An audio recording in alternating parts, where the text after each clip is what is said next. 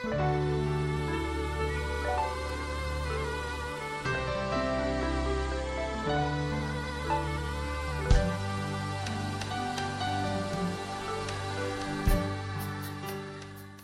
warahmatullahi wabarakatuh.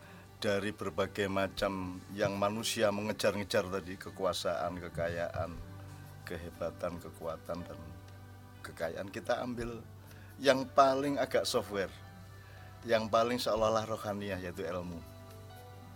Kalau emas permata ngapain? Distorkan ke Tuhan. Ya deposit ngapain? Jabatan apa itu jabatan? Ya. Sekarang ilmu saja yang seolah-olah indah dan mulia itu saja tidak ada artinya di depan Allah. Sehebat-hebat kamu, sepandai-pandai kamu, sepandai-pandai saya umpamanya saya ini pandai, itu juga saya tidak akan berani ketemu Allah terus ini loh kepandaian saya kan tidak bisa.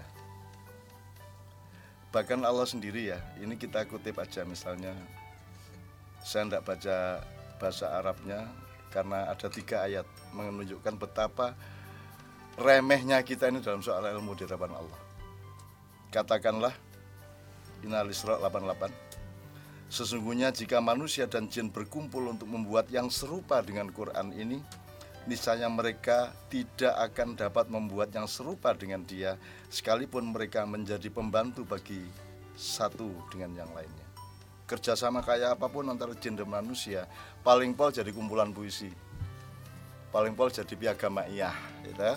Tapi tidak akan bisa menyaingi satu huruf pun dari Al-Quran Artinya itu gambaran mengenai betapa tidak berartinya ilmu manusia. Wa ma utitum minal ilmi illa qalila. Tidaklah aku mem mendatangkan atau memberikan ilmu kepada manusia kepadamu sekalian kecuali hanya sangat sedikit. Bahkan Allah memberi ketegasan.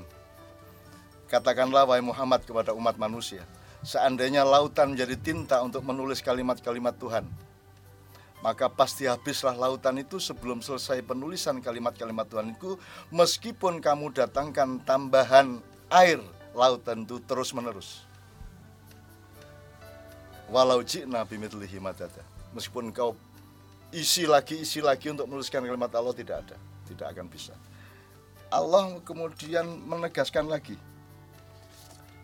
tentang seandainya pohon-pohon di bumi ini semua pohon seluruh bumi menjadi pena dan lautan dijadikan tinta dan kemudian ditambahkan kepada tujuh lautan itu air lagi air lagi setelah keringnya. Niscaya tidak akan habis-habisnya dituliskan kalimat-kalimat Allah. Sesungguhnya Allah maha perkasa maha bijaksana. Ada dua yang terakhir. Makanya saya tidak berani menceramai orang. Saya tidak berani pernah merasakan atau me, me, apalagi menyimpulkan bahwa saya lebih tahu dari Anda. Lebih berilmu dari Anda. Saya tidak akan bisa meregangkan dada saya dan menegakkan kepala saya seolah saya lebih tahu dari Anda. Apalagi Allah setelah menunjukkan betapa dahsyatnya dia dalam soal ilmu.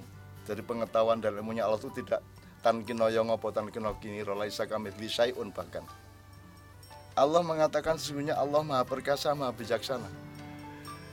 Allah tidak bilang innahu huwas, huwal alim dah. Bukan sesungguhnya Allah maha pandai.